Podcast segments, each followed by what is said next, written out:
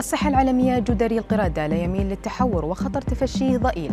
استخدام المضادات الحيوية الخاطئ قد يكون مميتا.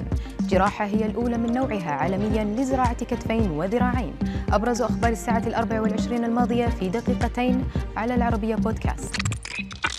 بعد أن رجحت ارتفاع الإصابات حول العالم أكدت منظمة الصحة العالمية أنه يمكن وقف انتقال عدوى جدري القرود خارج دول تفشيه كما طمأنت المنظمة الناس إلى أن الفيروس الطارئ مستقر ولا يبدو أنه يميل إلى التحور لافتة إلى أنه لا توجد أي دلائل على تحور الفيروس. المنظمة أكدت كذلك أن الأمراض المعدية المستوطنة في غرب ووسط إفريقيا تميل إلى عدم التغيير وبدورها أوضحت وكالة الصحة الأوروبية أن خطر انتشار جدري القرود على نطاق واسع ضئيل للغاية.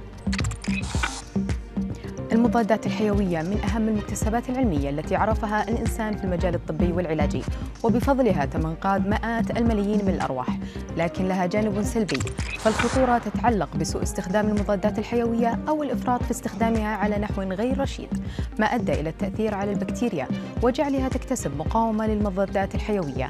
ومن ثم إلى فقدانها أو فقدان معظمها للتأثير العلاجي المنشود وتتسبب في ظهور مقاومة البكتيريا للمضادات الحيوية. وحول مضاعفات المضادات الحيوية حال استخدامها بشكل سيء فقد أكد الأطباء أن مقاومة البكتيريا للمضادات الحيوية وفقدانها للتأثير العلاجي والشفائي يعني أن تتحول العدوى التي كان بالمستطاع وقفها والشفاء منها إلى عدوى قد تكون مميتة خاصة في حالة التدخلات الجراحية وأشكال العدوى داخل المستشفيات. تماثل الرجل الأيسلندي الذي أجرى أول عملية لزراعة الكتفين والذراعين في العالم قبل 16 شهرا للشفاء بشكل وصف بالمذهل. وبحسب صحيفة ديلي ميل البريطانية فإن المريض قضى سنوات من دون ذراعين لكنه استطاع إقناع جراح فرنسي بإجراء عملية جراحية معقدة لزراعة كتفين وذراعين في تدخل طبي استغرق 15 ساعة. ويقول الأطباء أنهم مذهولون من النتيجة الإيجابية لأن الرجل صار بإمكانه الإمساك بالفرشاة وغسل أسنانه كما يستطيع أن يلقي كرة إلى كلبه وبوسعه أيضا أن يحتضن أبنائه وأحفاده. النوم منجم ذهب لفهم صحتنا ولكن كيف يمكننا الاستفادة منه بشكل كبير؟ ودمجه مع العصر الحالي والتكنولوجيا بشكل أفضل.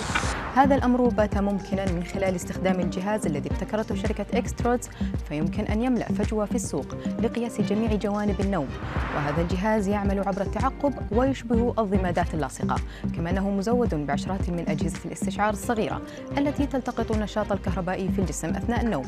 وترسل البيانات مباشرة إلى جهاز using the key.